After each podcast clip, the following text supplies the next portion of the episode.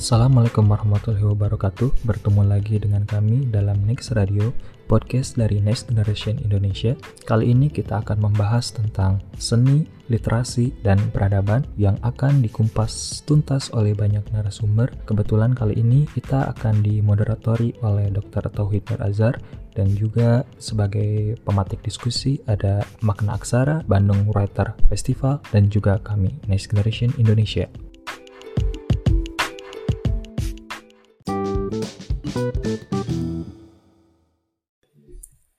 Ini kita kan kebetulan ada kebutuhan konten. Jadi enggak, kita juga ingin berbicara sesuatu yang terstruktur dan sistematis gitu supaya walaupun tanpa storyboard. Buat jadi saya mendapuk diri saya sendiri sebagai moderator. itu karena sudah kedatangan orang-orang hebat, ada Alvin, ada Kemal, ada Kang Den, ada semua kita yang hadir di sini keren gitu. Nah, dan cuacanya juga lagi mendukung gitu kan. Dan untuk untuk berpikir secara kritis. Nah, ini saya dikomentarin lagi sama Kemal Kang, udah jangan nanya jangan panjang-panjang. Terus nanti orang lain jawabnya juga cuma dua kalimat gitu kan. Nah, eh, kita awali sedikit cair aja. kita cair ya. Cair Kita cair. santai santai. Sus- sulit cair karena kopinya nggak habis. Oh. Enggak enggak. Tenang tenang mbak. Tenang. Kita selesaikan dulu satu ini nanti tinggal. Ini alhamdulillah kita bertemu di saya tidak tahu saya tidak menyebut ini podcastnya NSG karena ada juga teman-teman dari eh, Makna Aksara ada BWF hadir di di sini sore hari ini saya sungguh bergembira sebagai host. Oh, Alah, ya merasakan jadi Najwa Shihab lah iya. Najwa Shihab host yang Karnil ya. Kami menimbulkan perdebatan Iya. bahwa kerajaan Galuh itu iya tidak iya ada. namanya naratif TV ini. Naratif itu narasi ya. Kita eh, delusif. Delusif. Ya, ini narasumbernya delusional. wah besar ya, tadi saya dari tadi berusaha merangkum gitu. Kita dapat ilmu yang sangat banyak sehingga kita bisa saling berinteraksi yang menjadikan sore hari ini penuh dengan atmosfer apa ya akademis tidak tetapi eh, knowledge ya Knowledge. knowledge sharing yang knowledge dan sotoy Nah, sotoy soto yang menginspirasi Sotoy. Nah, tadi memang ada sotoy sotoy Sotoy. dan eh, dominasi hari ini sebetulnya didominasi oleh teman-teman psikologi banyak nih rombongannya Iya. banyak jadi jangan-jangan kita selama bicara ini diobservasi Iya. saya pengen minta makan doang sih tadi Iya. nah ini ada Iya, teman-teman eh, makna aksara yang rat- rat- makna aksara tetapi di balik krunya adalah anak-anak psikologi. Dan Wih. ada next generation ya, yang seharusnya banyak psikolognya. Ya tapi malah. Antropolog sama komunikasi. Komunikasi. Jadi kan kalau bicara cyber psychology kan harusnya ada. Ada sih. Ya, ya. Dan nanti bisa switch pemain. Nama satu-satu tapi silakan berpendapat gitu ya. Eh, dan ada teman-teman eh, dari Bandung Writer Festival. Jadi topik kita sore hari ini mungkin saya lebih mengarah pada literasi dan peradaban. Berat, berat. berat berat berat berat artinya Artinya kan sebetulnya yang da- dari tadi kita bicara itu ada aspek musik, tapi juga ada literasinya tentang sejarah musik, tentang bagaimana produksi musik, tentang mungkin kalau kita saya juga akan menggali lebih mendalam karena beliau sudah punya pengalaman jam terbang cukup baik. Nanti akan saya sinergikan dengan pendapat teman-teman makna aksara juga untuk uh, profiling psikologinya. Gitu. Jadi artinya musik itu sendiri kan tadi sebetulnya adalah bagian dari peradaban yang tidak terlepas dari evolusi manusia. Artinya kayak ada perbudakan lahir blues, yang pada gilirannya lahir hip hop, gitu kan. Dan juga eh, mungkin yang sekarang juga orang itu mengkotakannya dan merumahkannya dalam jazz gitu ya. Eh, meskipun kita juga eh, harus melihat bahwa ternyata beberapa secara etnografis juga beberapa etnokultur juga lahir dari masing-masing region bahkan Iya. di dalam jazz itu juga sebetulnya eh, etnik Afrika kuat sekali kan Iya, mewarnai betul, gitu ya betul. sampai ya tapi juga bertemu dengan gospel bertemu dengan yang namanya penggunaan string yang tidak dikenal di budaya terdahulu karena lebih banyak pada perkusi misalnya Hmm, gitu ya, kan yang betul. dinamis dan ritmik gitu. Nah ini menjadi satu kajian yang menarik. Dan tadi lirik juga menjadi satu kekuatan literasi yang bahkan mau ada workshopnya. Nah. Padahal teman-teman psikologi juga acap kali menganalisis seseorang dari apa yang dia tulis, apa yang dia ekspresikan, apa yang dia sampaikan dalam berbagai bentuk komunikasi. Sementara teman-teman next apa generation juga punya concern bahwa internet sekarang menjadi sebuah media baru di mana dalamnya juga ada seni, di mana dalamnya juga ada peradaban dan di mana di dalamnya adalah ada media yang bisa eh, membuat orang mengalami konsekuensi patologis kejiwaan. Gitu kan? Ini kan membuka peluang kan? Iya. Di Jepang kita sudah pernah dengar ada terbentuknya komunitas yang sudah mulai meningkat jumlahnya secara kuantitatif itu hikikomori. Orang yang malah sudah nggak berani ketemu orang deh Iya. gitu. Karena apa? Selama ini dia by proxy ya. Iya. mesen makanan taruh depan pintu gitu kan. Dan dia hanya kenal orang dalam bentuk avatar. Sehingga by proxy semuanya. Sehingga ketika satu saat dia harus keluar dia bahkan bisa membunuh orang karena dia defense. Dia merasa orang lain itu ancaman. Iya. jadi dia membawa senjata segala macam dan ada orang yang melongan gitu ya. Padahal kalau kita kan sudah biasa pak pelong-pelong naik angkot 57 57 ini merasa terintimidasi. Intimidasi. Dan ini kan mulai terjadi generasi-generasi di bawah kita mungkin juga sudah mulai mengalami. Jadi artinya barangkali ada perbudakan tipe baru yang akan menghasilkan juga genre musik tipe baru. Gitu. Benar. Ya, karena sekarang di Jepang juga kembali ke Jepang lagi ya sedikit itu sudah mulai ada eh, di mana ada satu genre musik yang pemainnya sebenarnya tidak ada gitu. Iya, Apa sih namanya? Eh, Hatsune Miku. Hatsune Miku. Hatsune Miku ini kan ancaman bagi kami sebagai orang yang biasa memproduksi Manusia. manusia. Sekarang semua keunggulan Clara Sekar, keunggulan Sandrayanti, keunggulan Ardito bisa kita simulasikan saja di dalam Iya. bentuk virtual gitu ya, dalam bentuk Hatsune Miku itu. Dan ternyata fansnya faktual. Faktual. dan ada ada live show-nya dengan holografi gitu kan. Jadi dan itu sampai histeris juga gitu ya. Iya. termasuk saya juga Histeris melihat fenomena gitu. ya maksud teknologinya kok Ampun, ampun. Ya ampun, ya ampun. kayak kita nonton anime lo tapi nyata gitu bener histeris maksudnya keren gitu maksudnya wih gila manusia tuh sudah bisa memvisualisasikan imajinasi jadi kan yang orang kejar VR gitu. nah karena di sini banyak narasumber dan saya nanti takutnya dimarahin lagi Kemal. Selalu saja introduksi 30 menit. Dan narasumber hanya diberi waktu 5 menit. Saya ingin mulai dari Kang Alin dulu. Waduh. Jangan atau kali. siapa pun siapa pun, asal- siapa pun. di sini bos boleh eh, ponakan Kang Iwan. Lu panggilannya siapa sih Icem. Bisa. bisa Icem. Icem Icem. Ya, Namanya Icem aja boleh. Icem. Icem. Icem aja Icem. ya ya Anissa yang suka makan tempe bacem Jadi Icem. sama si kecil Ilsa. Hah? Ilsa. Ilsa sama Ica kan saya suka rada bingung gitu. Jadi teman-teman nih yang memang mempelajari latar belakang psikografi manusia gitu ya. Eh, kalau dilihat peradaban tadi berkembang gitu. Salah satunya saya ingin mengaitkan dengan BWF tentu saja. Literasi, musik, lirik gitu. Pertanyaan paling fundamental sih, kenapa sih manusia eh, perlu menegasikan dirinya melalui berbagai bentuk atau produk budaya seperti itu? Kalau dia tuh ada totem ada Ya, ya, ya, menhir, ada dari era-era sarkofagus aja orang yang udah mati aja masih dikasih hiasan yang yang matinya juga nggak menikmati gitu. Emang manusia secara psikologi narsis itu apa bagaimana? Emang harus eksis itu atau bagaimana kira-kira? Sorry, sorry, sorry. Susah. Pertanyaan Pertanyaan fundamental terus susah ya. Jawabannya iya gitu aja. Iya. Iya betul. Iya betul. Manusia betul eksis. Cukup Jawabannya itu.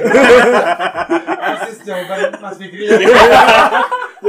Pertanyaannya panjang. Ya kira-kira pendapat.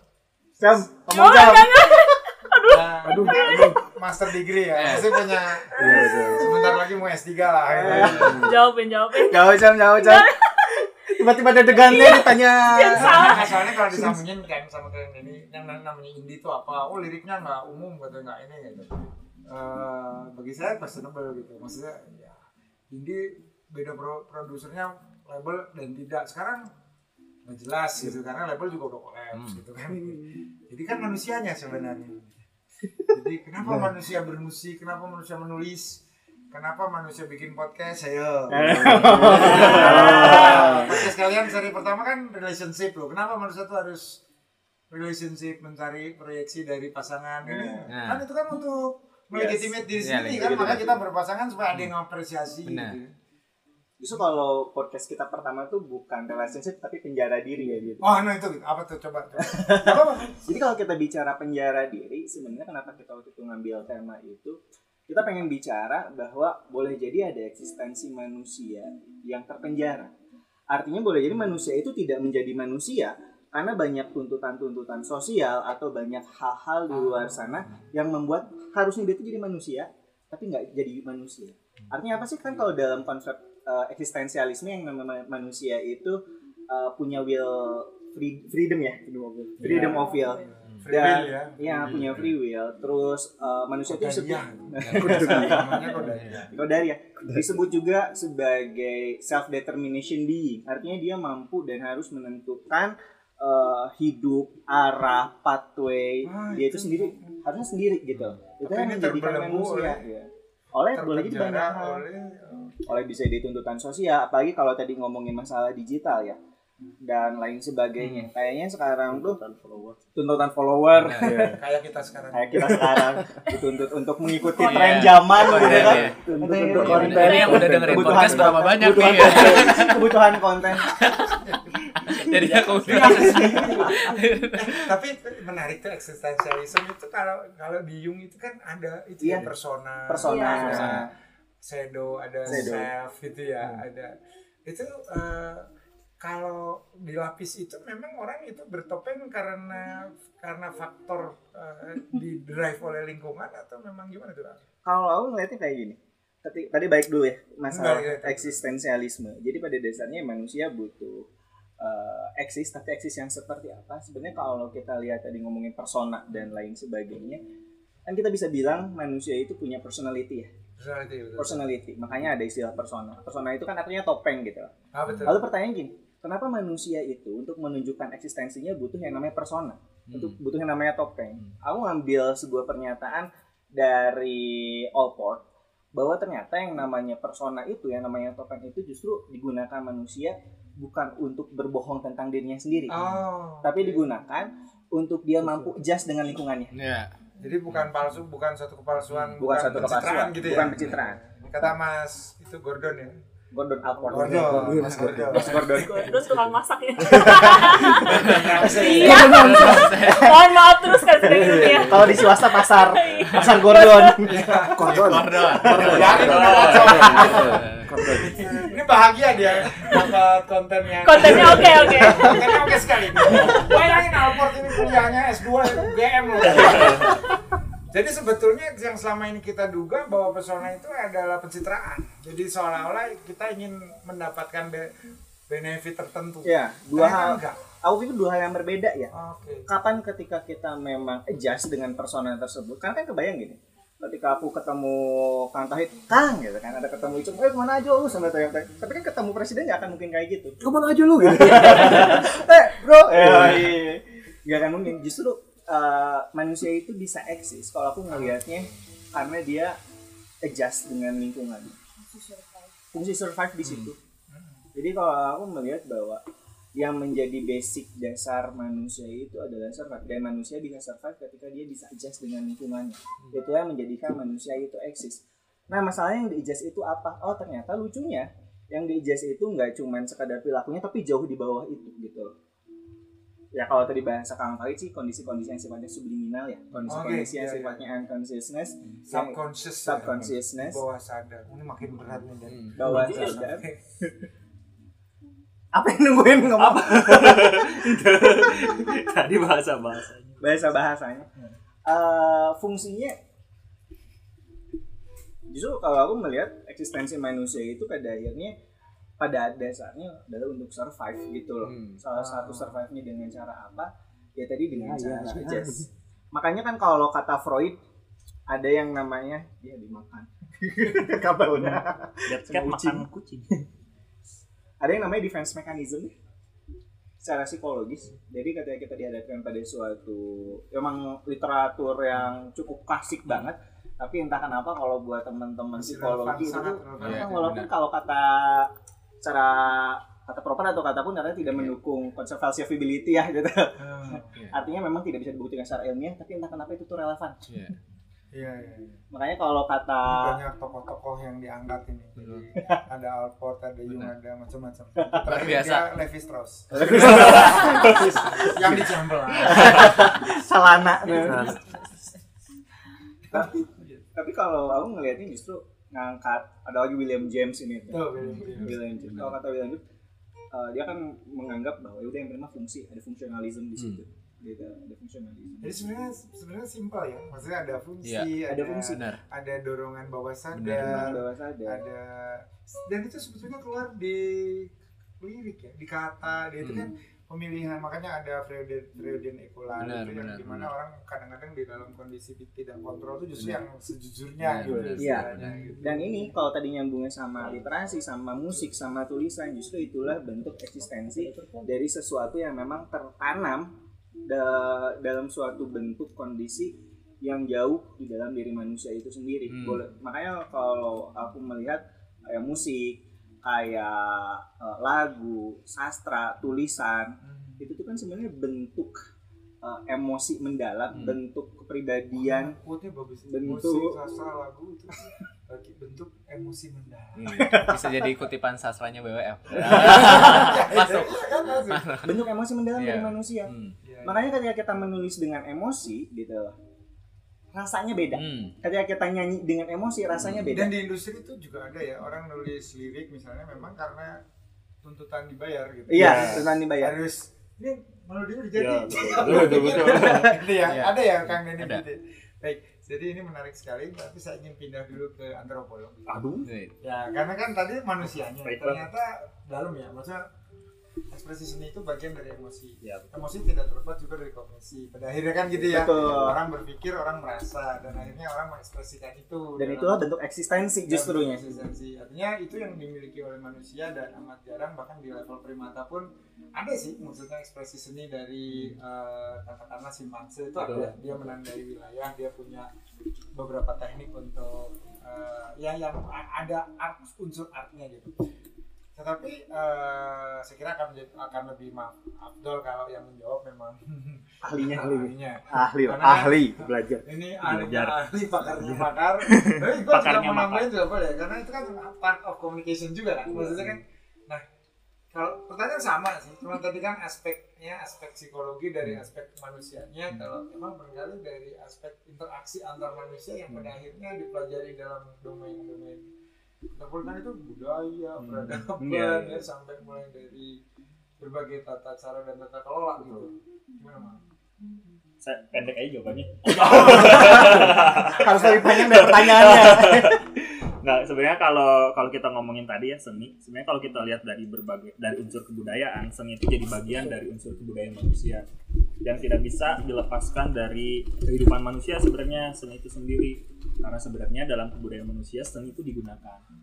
Musik, tarian, Ah benar. banyak hal itu digunakan. Jadi ada aspek utilitas. Ya, betul. Oke. Pada zaman pada masa mas- pada kelompok masyarakat yang sederhana, kesenian itu hanya digunakan sebagai eh, bagian dari ritual. Hmm. Ritual. Ritual, tapi Tapi pada punya masyarakat punya fungsi. Ya, fungsi. Dan pada masyarakat yang lebih kompleks selain ritual, seni itu digunakan sebagai rela- relaksasi, bahkan tadi aktualisasi gitu. Karena kalau misalnya kita lihat bagaimana ini berat. kalau kita lihat eh, segitiga kebutuhannya Maslow gitu ya eh ak- apa namanya tuh aktualisasi itu menjadi puncak dari kebutuhan manusia Ah. ketika semuanya udah dibut udah terpenuhi Iya, makanan iya. pangan Eh, soalnya yang terbawa itu Wifi gitu. sama- Eh, dan colokan sekarang udah bergeser kayaknya itu Bukan makan, bukan makan ya. makan. harus dikritisi gitu ya Makan nyari colokan, bukan. Nah, mungkin manus eh, musik sendiri, misal kalau kita ngomongin seni gitu ya, itu menjadi kebutuhan eksistensi. Hmm. Dengan adanya teknologi yang semakin berkembang, orang menjadi sangat mudah sekarang untuk rekaman, untuk bikin cover YouTube misalnya, Iya, iya. iya. untuk bikin eh, apa namanya tuh musik-musik Hmm. indie yang sangat home banget Hmm. gitu ya, yang self production. yang self banget gitu ya, self production. Self produksinya acak-acakan Ya, kayak Kayak gitu. podcast kita ya. Kayak podcast kita gitu kan, yang bisa di Ah. yang yang apa namanya tuh kalau dulu meskipun indie dia harus bermodal besar gitu kan tetap aja dia harus sewa studio sekarang kan deh dengan modal 160 ribu bisa bisa beli sound card gitu Iya. misalnya yang bisa dicok ya Kang, ya ada ya sekarang ya gitu Bisa Kalau- diberi link di Tokopedia-nya. Ya. Pakai pakai tabul. Disensor barusan disensor. kayak gitu jadi itu jadi semacam apa ya eh betul bahwa kita pun eh, antropologi pun melihat bahwa manusia kebudayaan manusia itu muncul karena memang bentuk adaptasi mereka pada lingkungan Oke. musik muncul eh, apa namanya tuh eh, kesenian muncul itu sebenarnya bentuk adaptasi mereka pada lingkungan. Tapi kalau tadi disebut fungsi, fungsi utama seni berarti apa mas? banyak pak. Tergantung kebutuhannya sebenarnya. Tapi pada Karena masyarakat tradisi itu beda-beda. ya, Iya, ada sangat yang kompleks. hierarkinya musik Iya. itu paling Iya. apa seni yang itu paling tinggi. Tapi betul dalam sejarahnya dia memang pada awalnya untuk ritual gitu nggak sih? Atau gimana sih? tidak sebenarnya. Sebenarnya nggak selalu. Karena sebenarnya musik awal digunakan untuk misalnya eh, bahaya. tanda bahaya kan banyak pengen musik. Iya, pakai Iya. musik, Iya. pakai tok tok tok Oh. gitu kan. Dan dengan ada pola tertentu, kentongan dengan pola tertentu gitu kan. Bukan tong tong tong tong ada polanya gitu kan. Kemudian kayak karinding ya Kang ya. Itu kan sebagai kalau dulu sebelum masuk ke ritual itu untuk mengusir burung. Mengusir burung. Mengusir burung. Oh itu kan bisnis ya? Dan karinding itu tidak hanya di seluruh negara di dunia dia punya. Punya. Cuma beda namanya bukan Iya. karinding. Rusia juga sama dan Rusia sama juga. cara memainkannya sama. Kayak gitu. Oh, Tapi kalau misalnya di jadi musik bukan burung hantu ya. Iya. Tidak gitu ya Tidak, bahwa tidak. itu oh, ini adalah nilai budaya yang harus kita Oh, iya. jadikan nilai Selama di situ ada bambu, ada karinding. Iya. Oke. Kalau di Aslandia Jadi kan nggak ada bambu, nanti nggak ada Iya. karinding. Dia pakainya tumbuhan lain. Iya, hal lain.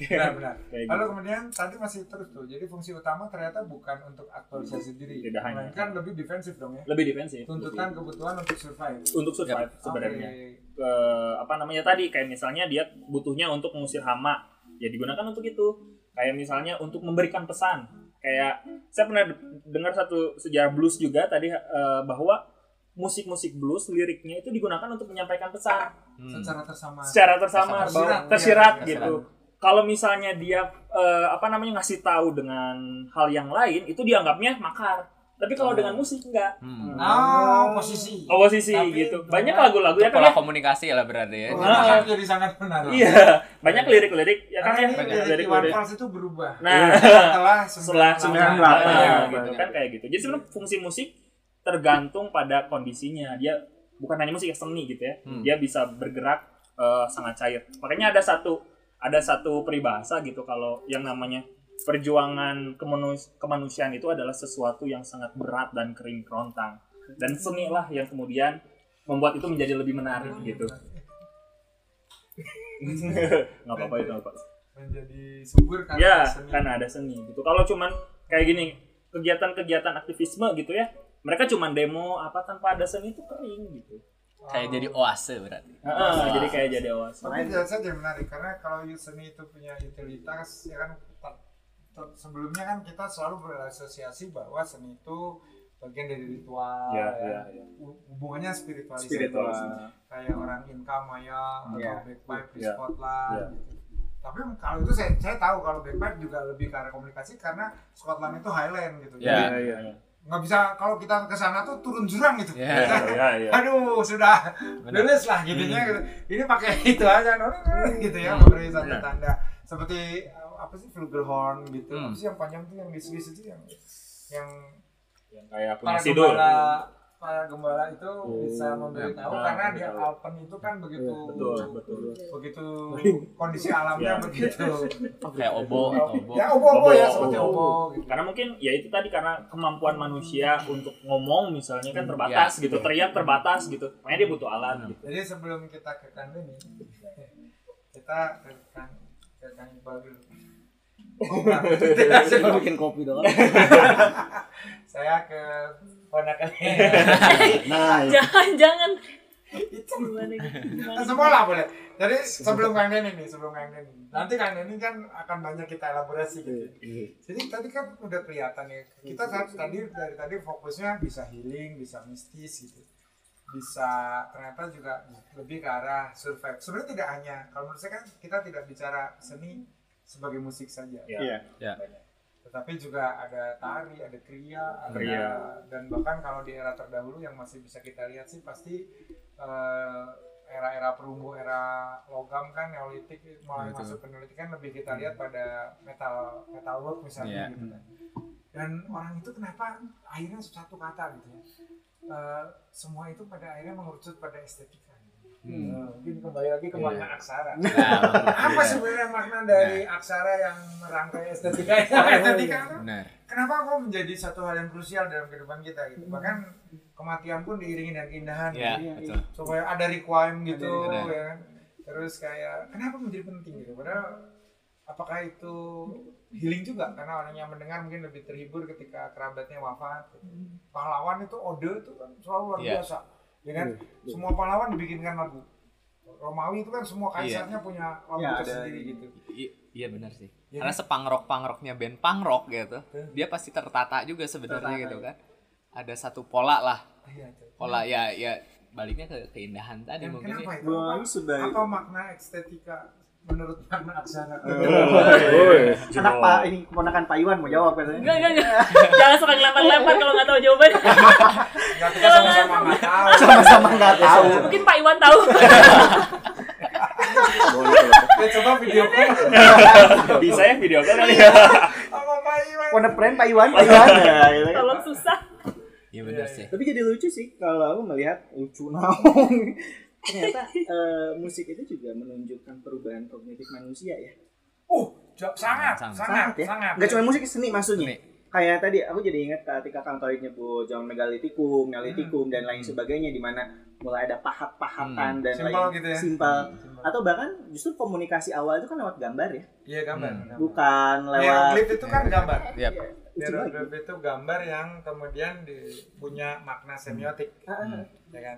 Nah, yang menariknya bahwa memang kalau saya lihat, saya sampai saat ini tukang Dim masih sangat amazing gitu ketika baik itu arranger atau bahkan komposernya terutama kalau di era barok tuh pasca barok tuh Hmm. pasca eh, kita melihat musik klasik mendapatkan pak pentas itu Hmm.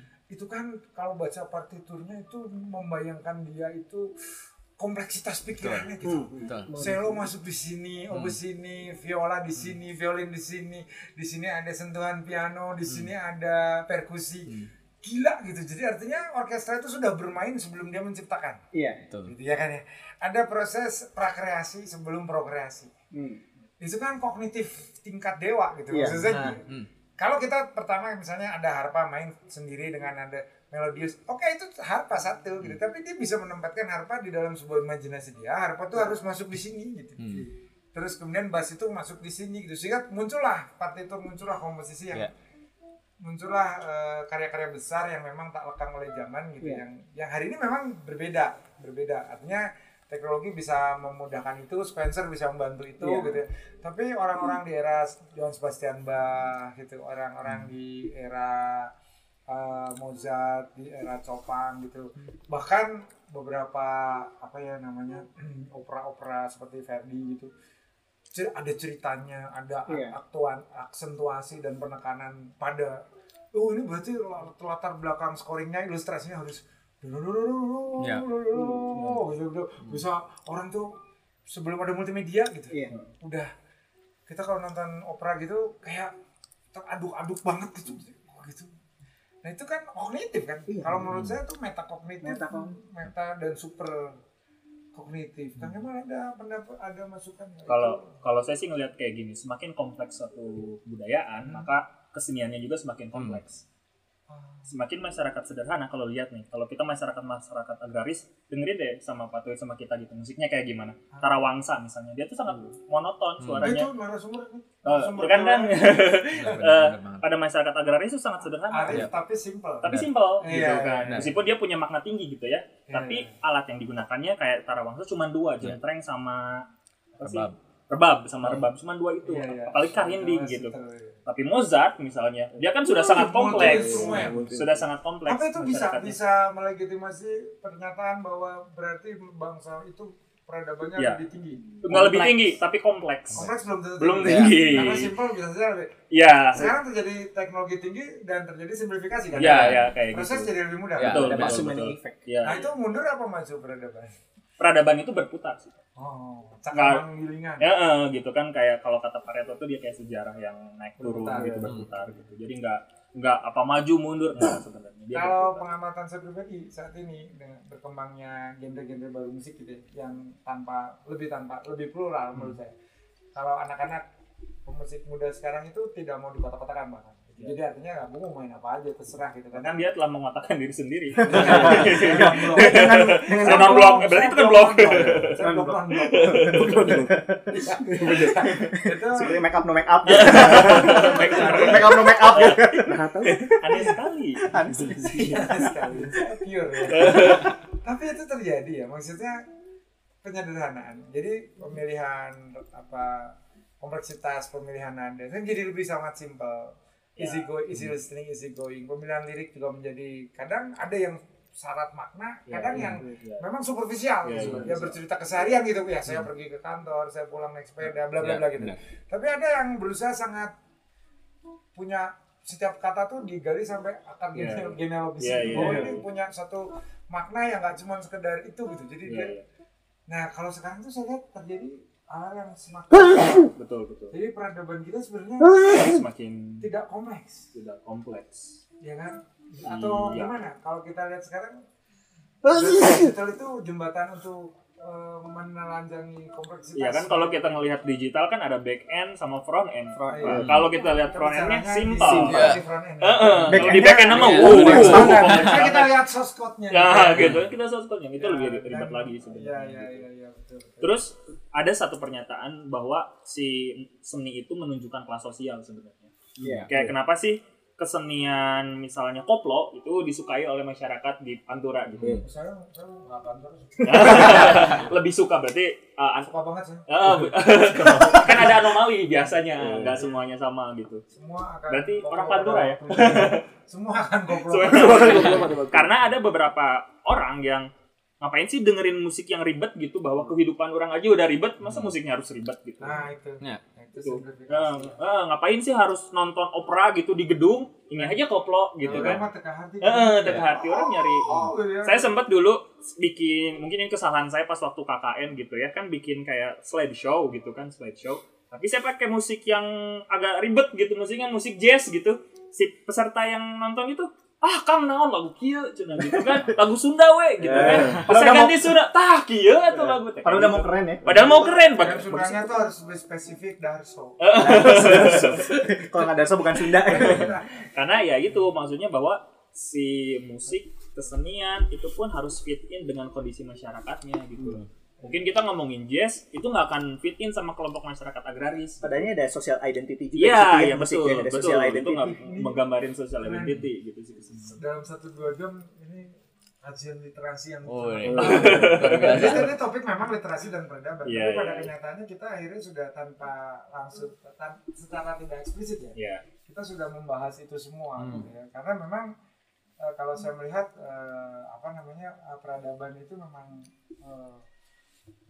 ingin manusia tuh ingin membuat rumit, Iya. Iya. orang bikin piramid, Iya, iya, membuat iya. rumit iya. kehidupannya sendiri. Iya, iya, betul sekali. kan? Iya. Tetapi pada akhirnya itu adalah aktualisasi dia kan, Iya. Hmm. Entah kenapa. dia legacy. Iya, legacy jadi bentuk narsistik juga nggak sih buat beberapa Nah, saya mau hal. nanya itu. Makanya sebenarnya bikin komposisi yang ciamik itu sebenarnya apakah bukan bagian dari patologi yang narsistik yang bahkan mungkin bisa jadi agak pato Ya. gitu ya. Iya, iya.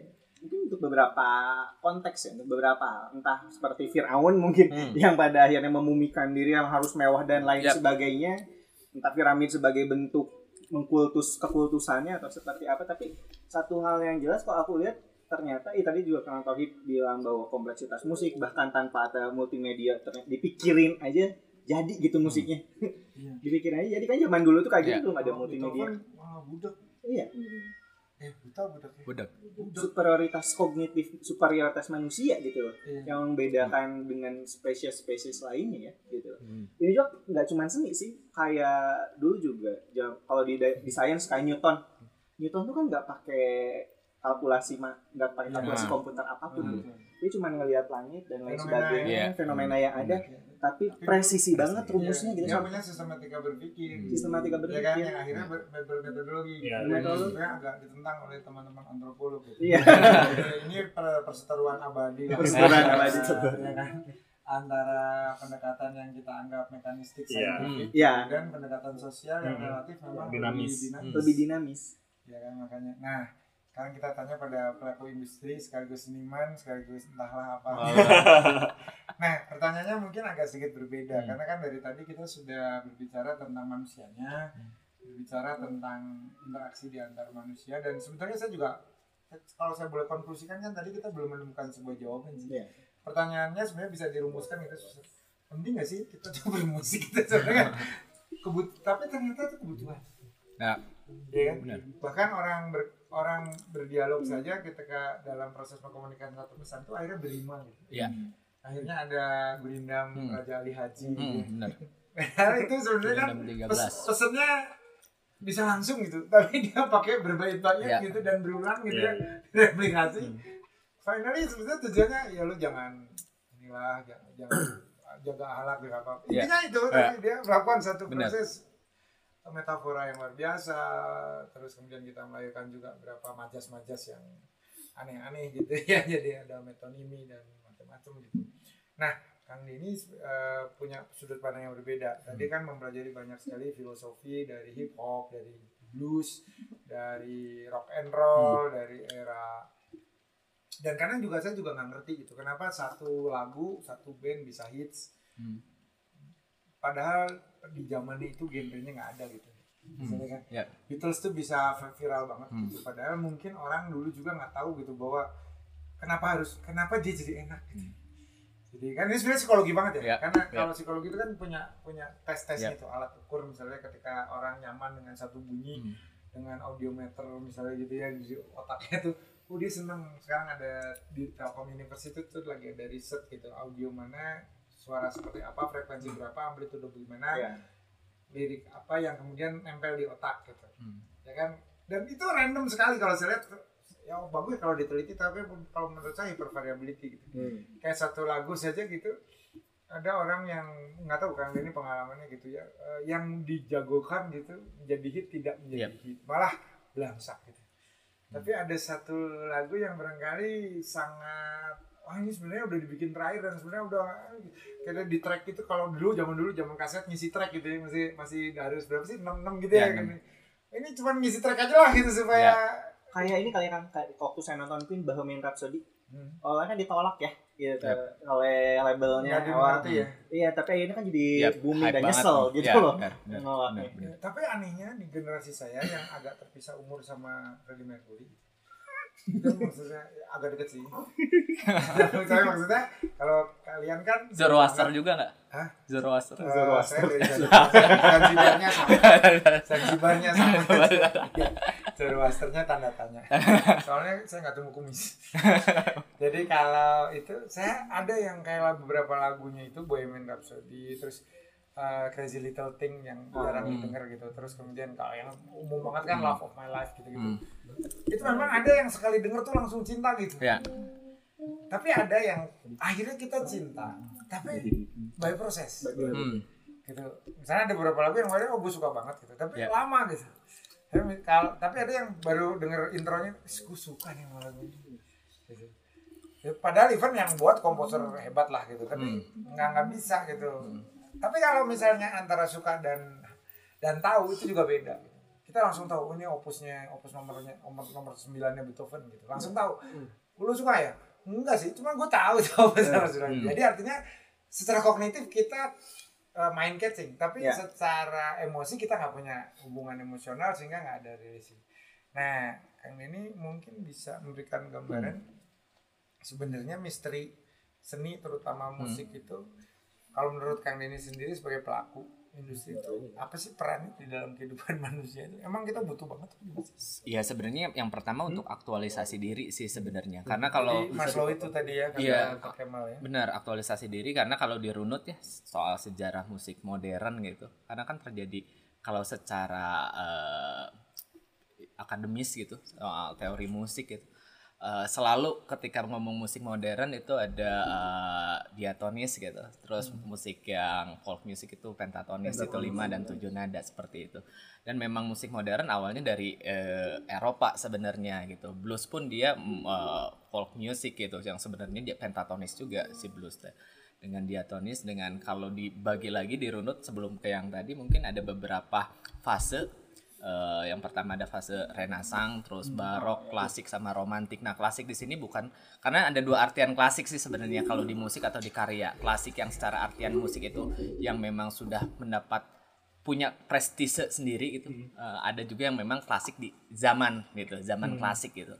Ya, ketika itu juga ada beberapa eh, perbedaan sebenarnya aktualisasi aktualisasi diri gitu antara fase-fase itu terutama berbicara tentang musik modern ketika misalkan di empat zaman itu yang paling dominan itu pertama adalah musik arsitektur terus eh, buku.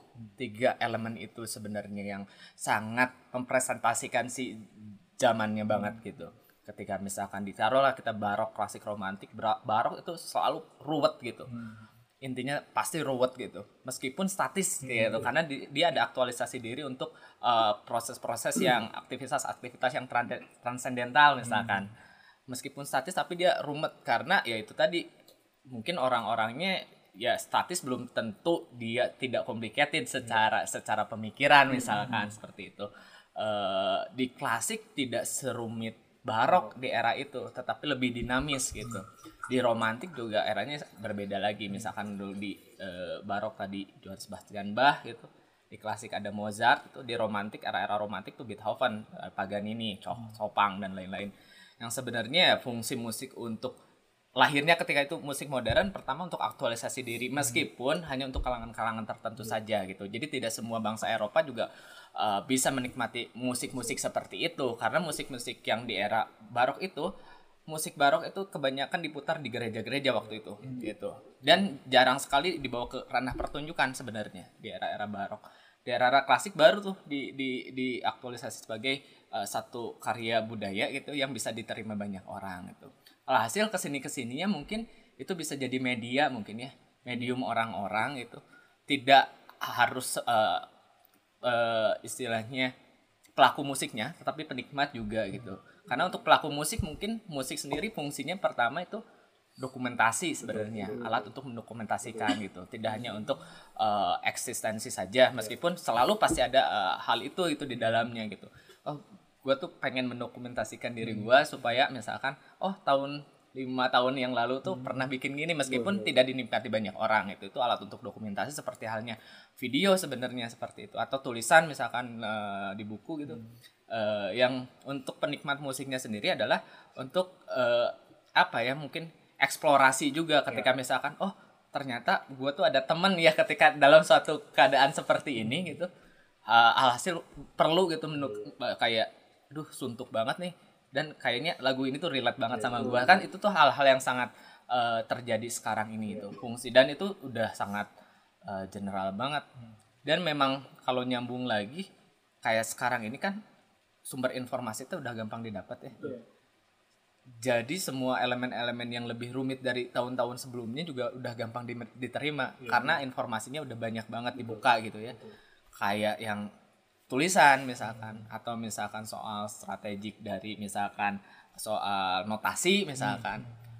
Kalau zaman dulu mana ada misalkan tahun 90-an orang dengerinnya misalkan di di halte gitu ya dengerinnya lagu Mozart gitu ya jarang pisan gitu kan. Paling tahun 90-an la- lagunya apa Rinto Harahap gitu ya 85 gitu ya. dia eksis dia eksis gitu kan hal-hal yang seperti yang sebenarnya itu kan berevolusi ya. Berevolusi. tidak hanya ke pelakunya tepak tetapi ke penikmatnya. Pendengarnya dia- mereka juga bere- berevolusi sebenarnya seperti itu gitu. Jadi ya mungkin fungsi musik untuk entah itu penikmat atau misalkan untuk pelaku ya itu tadi aktualisasi diri sih sebenarnya mah aktualisasi diri utama.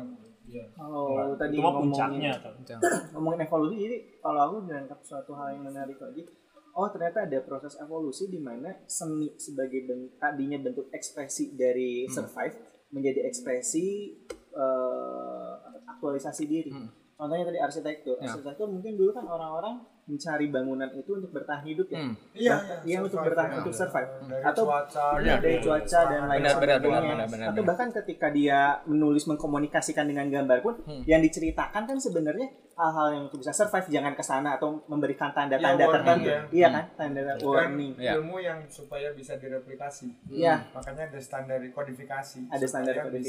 bisa menyampaikan pesan yang terkait dengan kemampuan untuk berda- bertahan hidup. bertahan hidup dan tadi juga musik ternyata tahu dari Kang Kemal juga itu tuh buat bertahan Benar, benar. warning juga benar dan itu benar banget sih peradaban kan memang berputar gitu kayak di barok itu sama banget antara arsitektur buku dan musik padahal si bangunan tuh udah jadi nih udah berfungsi. Tapi pakai ukiran ukiran. Ya. di notasi pun seperti itu. Oh udah udah enak nih. Tapi, Tapi di situ pakai tambahin tambahin. Ya. makanya jelimet. Jelimetnya bukan dari eh, ritmisnya tetapi dari hal-hal yang melodiusnya sebenarnya gitu kan hal-hal yang seperti itu. Yang pada dasarnya ketika era-era ke sini arsitektur eh timbul misalkan Bauhaus misalkan eh, dengan konsepnya yang simple gitu yang minimalis yang sebenarnya berputar Iya, lagi bener kan sebenarnya gitu kan di di Sekarang Indonesia arsitektur posmo eh, Postmodern. eh, menghilangkan banyak sekali eh, ornamen Benar. yang sifatnya tidak esensial kan gitu. esensial. Kalau perlu kotak ya kotak aja gitu. di Yang musik penting juga seperti itu kan sekarang orang-orang dengerin misalkan banyak ya, banget ya jadi lebih sederhana jadi ya. dengerin lagu-lagu yang kayak gini gitu kan kok orang de- dengerinnya yang benar-benar roots banget gitu yang benar-benar benar kayak di era itu mungkin musik itu dibuat karena eh, secara peralatannya memang tidak memadai misalkan ya kenapa misalkan album Beatles gitu kalau pernah dengerin album Beatles dari 1 sampai 13 itu ada peralihan jadi kebetulan dulu saya dicokokinnya itu sama orang tua pas SD tuh Kang Tauhid dengerinnya itu. Iya, jadi kalau dengerin album Beatles yang oke mana Sgt. Peppers misalkan karena di situ wah dan lain-lain. Itu terjadi perubahan banget sebenarnya. Ada siklus sih sebenarnya. evolusi Di- juga. evolusi juga. Evolusi juga. Ketika misalkan oke di album ketujuh misalkan di album uh, Magical Mystery Tour gitu kan karena dia udah perjalanan spiritual ke India dan lain-lain musiknya jadi banyak sitar adanya Raffi Sangkar Ya, Misalkan ya. masuk eh, ya. bapaknya siapa Norah Jones ya, Ya, ah, Norah Jones. Norah Jones. Nah, Jadi itu nunjukin bahwa memang musik dipengaruhi oleh nilai-nilai benar ya. benar benar nilai-nilai dan itu kadang-kadang saya juga kayak suka mikir juga musik itu ini kaitannya kenapa gimana sih musik itu bisa hits gitu ya kan itu jadi pertanyaan kalau misalkan itu dapat teorinya mungkin semua musisi terkenal semua Betul, gitu kan karena udah terjadi formula Harusnya belajar Eh. antropologi. Teraskar tepat itu. Formula. karena mungkin ada ada ada satu nilai kepantasan mungkin Iya, dan betul. satu pertemuan lah pertemuan Betul. kayak gini lah sekarang orang-orang teh mau itu yang menikmat penikmat film musik atau lain-lain kan makin ke sini orang-orang makin stres ya Iya. kayak "Anjir, gila nih Iya. Uh, bahkan Instagram sekarang udah jadi ya toksik banget itu Instagram itu kan itu ya Iya, kayak iya. aduh gimana apalagi kalau lihat instastory gitu ya orang-orang banyak banget yang kayak teman-teman yang ngeluhin oh gue udah jarang banget lihat instastory loh padahal dia tuh yang punya kedudukan sebenarnya punya satu uh, eksistensi yang Ya, oke sosial di kalangannya bisa gitu ya Influencernya ya, influencer. Bener, Influencer. karena gitu tuh ketika orang-orang makin stres, eh tiba-tiba ada lagu-lagu yang menyuarakan itu tadi suara-suara yang terjadi di orang-orang. Wah anjir ini gua banget itu. Oh, Tapi kan siklus itu tidak betul, data. betul. Karena padahal Oh, subjektif, Subjektif, ya sebenarnya. benar, Subjektif, benar. subjektif. Tapi kalau dari situ saya kok jadi melihatnya ada satu kondisi yang juga cukup unik ya. Artinya kan tadi eh, berangkatnya berarti kembalinya ke psikologi. Hmm. Maksudnya kan satu seni sebagai bentuk ekspresi itu akan fit gitu. Kalau sesuai dengan kondisi psikologi saat itu Iya, ya. betul. Benar. Ya, itu ya tadi kan ada lagu ini kenapa pa- pas banget ya karena tadi emang dia merepresentasikan Ya, banget. gitu. Jadi sebenarnya kalau kita mau melakukan satu penilaian terhadap kondisi sosial di satu lokus gitu ya, boleh sih berarti ya lihat seninya juga. kan? Benar. Betul benar, itu merepresentasikan, gak cuma merepresentasikan budayanya, tapi merepresentasikan orang-orangnya, Benar. cara berpikir, Orang cara Iya. berperilaku. Ini, ini yang lucu. Jadi saya sekarang ketika misalnya menginterview orang itu misalnya untuk uh, gabung ke tim itu untuk ngerjain beberapa program gitu. Yang pertama ditanya adalah buku musik yang dia suka sebenarnya. Buku musik dan film yang dia suka. Dari situ aja Ah, udah udah. tanyain, suruh. Karena gini kan tipikal orang ada yang Saya bu- nggak baca buku. bukannya nggak suka tapi belum tahu gitu kan itu beda sesuatu Beda, hal ya. yang berbeda gitu ketika misalkan oke nggak tahu musik tapi dengerin suka nggak gitu ya Yang musik musik genre seperti ini gitu. Ah, ya. gitu kan itu sesuatu hal yang berbeda sebenarnya. Kamu mungkin nggak tahu siapa yang nyanyi gitu. Ya. Tapi, oh, tapi gue suka yang.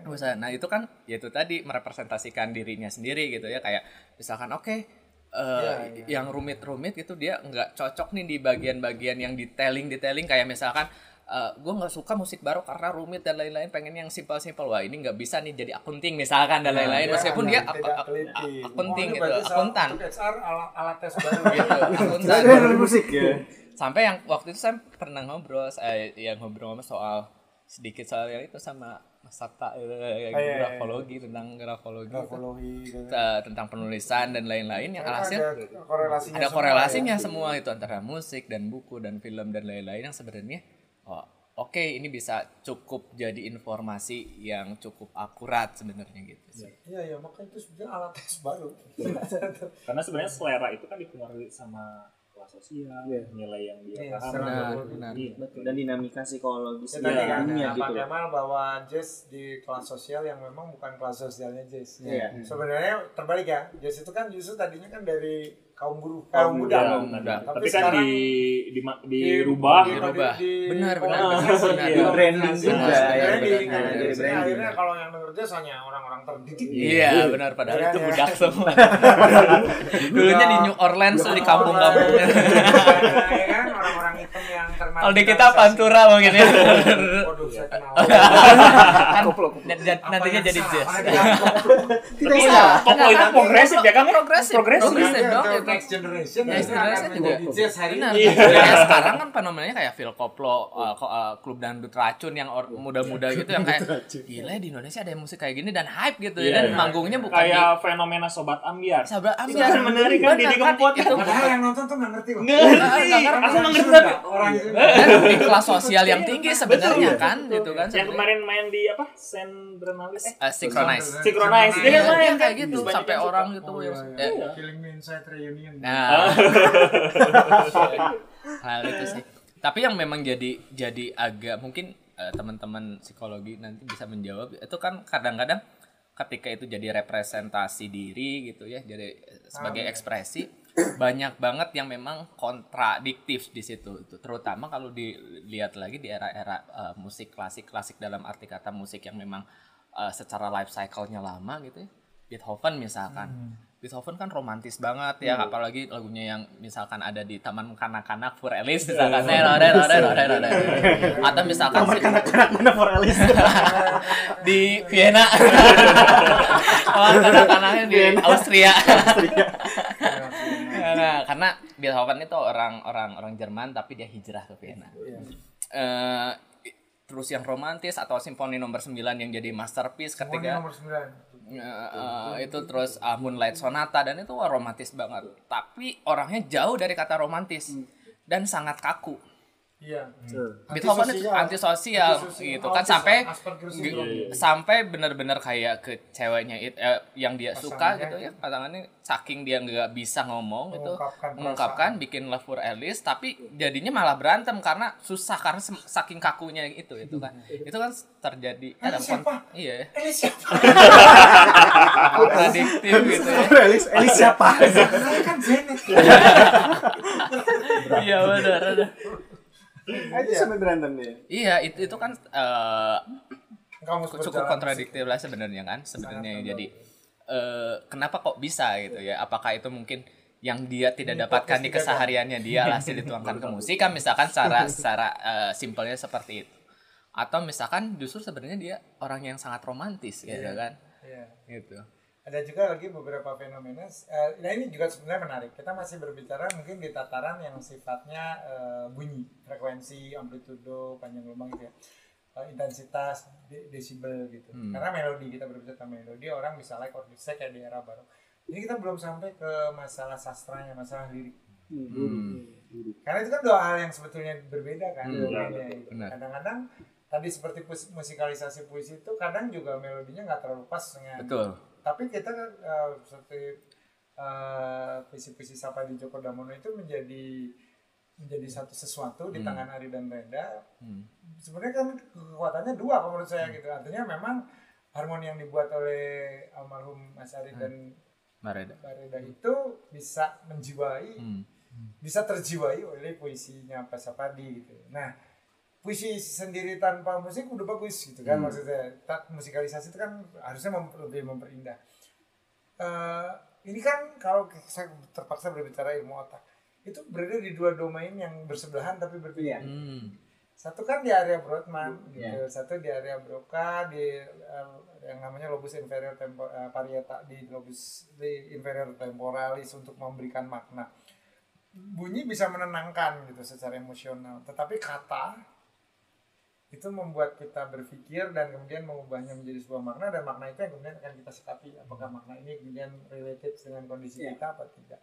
Kan berarti kan ada kekuatan tersendiri juga di dalam literasi ber dalam literasi dalam li- lirik dalam, sebagai literasi Hmm. gitu, sebagai literatur gitu ya.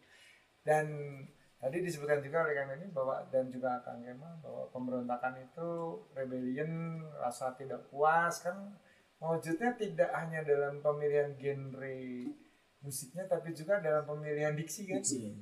ada ya ini bukan diksi Gillespie ya itu juga ada diksi ini diksi dalam artian penyusunan pem- pemilihan kata pesan yang akan sehingga ada kalau saya lihat ada beberapa tren misalnya yang terjadi. Payung teduh itu menjadi sangat puitis seperti sangat puitis gitu. Pemilihan diksinya menjadi luar biasa menurut kita luar biasa gitu. Tapi saya berulang-ulang mendengarkan sebetulnya nggak begitu paham Iya, maksudnya benar. apa gitu. Jadi kayak Iya, iya. ini lebih kayak centil gitu. Iya. centil dengan memilih kata. Saya pernah sampaikan sama kalian nah ini saya suka payung teduh dengan lirik dan melodinya tapi sebetulnya pesan yang mau disampaikan itu Nggak nyampe. nggak nyampe karena dia centil gitu. Centil ber- seperti seorang pujangga sastrawan penulis buku yang terlalu banyak bunga gitu di dalam. Iya. sementara ada penulis-penulis yang sangat itu ya gloomy sangat gelap langsung to the point Iya. gitu aku ingin mati hidup ini kejam hidup ini sadis dia bangsat gitu itu Nah, langsung kan gitu kan nah. gitu. Eh, ya atau lirik-lirik Dead Squad atau lirik-lirik Burger Kill gitu kalau di Jumbrung ya kan itu maksudnya to the point gitu bahwa dunia ini sampah gitu Hmm. Iya. langsung sarkastik Iya. gitu tapi ada yang kayak gitu dan eh, saya nggak tahu kita sukanya itu dari apanya gitu. Dari melo aspek melodiusnya atau dari lirik yang atau dari lirik yang punya makna tertentu Hmm. bagi kita. Nah ini urusan-urusan eh, yang sebetulnya nanti bisa kita bahas di dalam eh, nggak tahu nih ada rangkaian kegiatan Bandung ini sekarang sih kayaknya kita udah jadi Bandung Nah, bagian. saya kan sudah tanpa kita sadari sudah Iya. berliterasi Iya. jadi sudah bicara sejarah Sebenarnya pertemuan ini direncanakan. Walaupun- Sampai Walaupun kita masing-masing nggak Iya, tahu kalau- ya, tiba-tiba diajak ke sini. Iya. jadi ini konspirasi konspirasi. Jadi menurut saya pasti di balik ini ada Freemason. Karena Freemason itu juga jadi salah satu tempat di mana akan dilaksanakannya ajang Bandung Writer Festival. Kan Museum Kota Bandung itu Oh iya. loji loji terbesarnya Bandung ya kan. Dan ada ya di Museum Kota Bandung kan ada. Jadi karena ini memang sudah agak sore dan kita juga belum sholat ya mungkin juga sebagian ada yang mau melanjutkan tugas-tugas. Tapi mudah-mudahan tidak kapok. Kang Denny sudah datang ke sini jauh-jauh. Kita support. Oh ya eh, kita siap nanti komunitas juga bergerak untuk memeriahkan Bandung Writers termasuk makna aksara pun juga punya beberapa kegiatan yang tentu juga nanti akan perlu bersinergi ya Hmm, berkolaborasi Bisa karena banget sih. sudah punya rencana off air off air Nah. juga nih mau ya mereka ini banyaknya tentang tadi lah ya itu kan Nah. kata-kata yang sangat sangat menggugah gitu. Benar. penjara apa itu penjara penjara Dari diri diri. Benar. penjara diri karena sebagian narapidananya tuh nggak sadar kalau jadi narapidana malah Benar, merasa sebagai benar. yang memenjara orang lain padahal sebetulnya pada saat kita memenjarakan orang lain itu kita tengah mengunci diri kita sendiri Iya. Wih, sir. Keren. Jero. Keren, keren. Iya, sangat dalam. Eh, artinya saya nggak tahu. Iya, sama.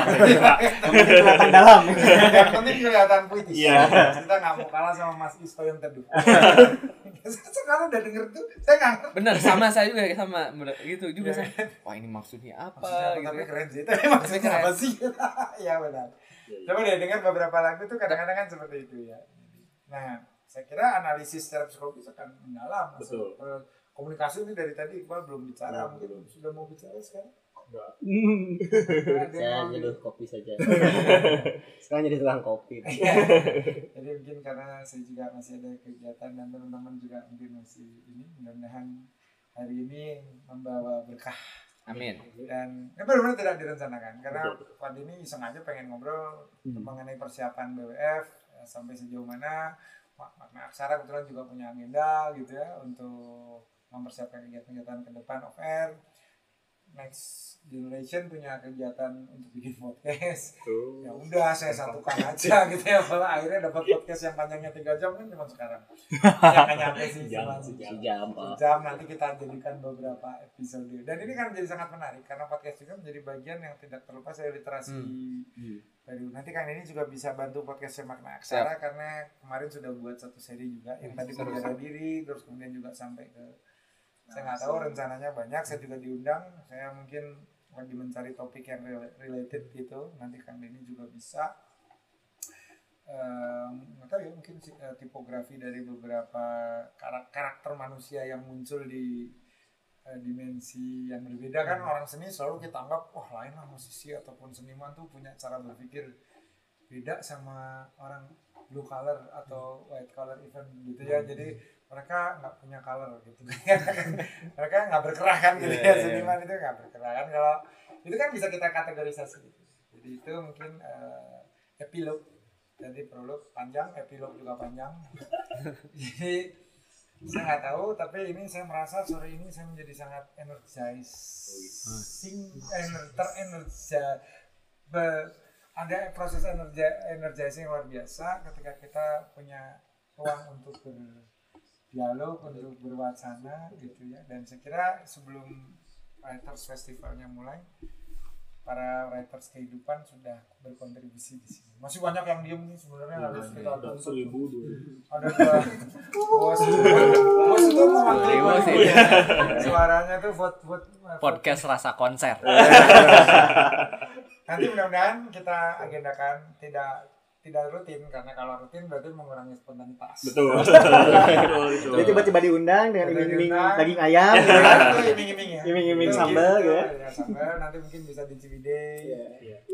ya kan? Gitu. nanti kan ini juga belum pernah nih Belum, belum, apa? Kanyaah itu ya namanya? Kanyaah. Ya, itu jadi kan, temanya BWF jadi tuh kanyaah oh ya wih. Tahun ini. Karena sebenarnya kan ya tadi ini human relationship pada dasarnya Hmm. kita tuh ingin Iya. mengangkat rasa hanya itu kan beyond love ya Yang what? jadi Beyond. ada ada ada compassion, Iya. Compassion ya, ada caring and giving. Iya. Kalau love itu kan cenderungnya mungkin aku mencintaimu dan kau adalah milikku. Nah itu Iya. exploitative. Iya. Kalau ini enggak. tapi pada masyarakat sederhana tidak di oh, kita lanjut. tidak ditemukan tidak ditemukan istilah lo kang cinta itu enggak. cinta nggak ada tapi nanti dibahas lagi Teaser, teaser. jangan jangan teaser itu Teaser, teaser teaser, teaser teaser. teaser Teaser ya. Ya, karena memang beda sih compassion and. Beda.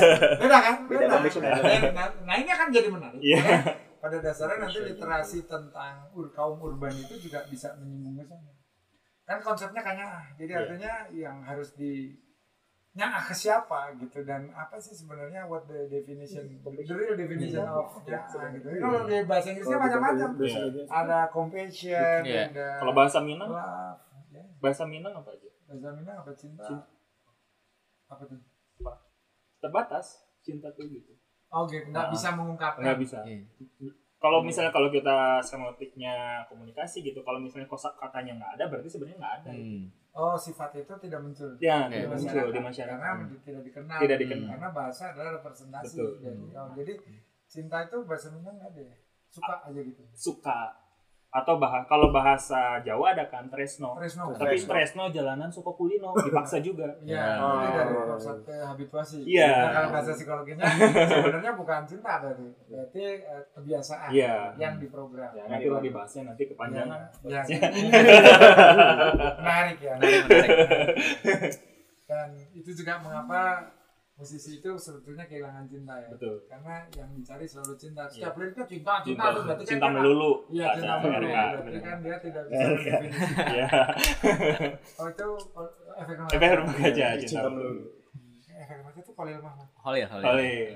Kalau Iga Masardi baru suara iya sama Asteris. Iya. Kita lanjut. iya Baik, terima kasih teman-teman. Mudah-mudahan bermanfaat. Ya, Kita lanjutkan secara offline. Dadah. Dadah.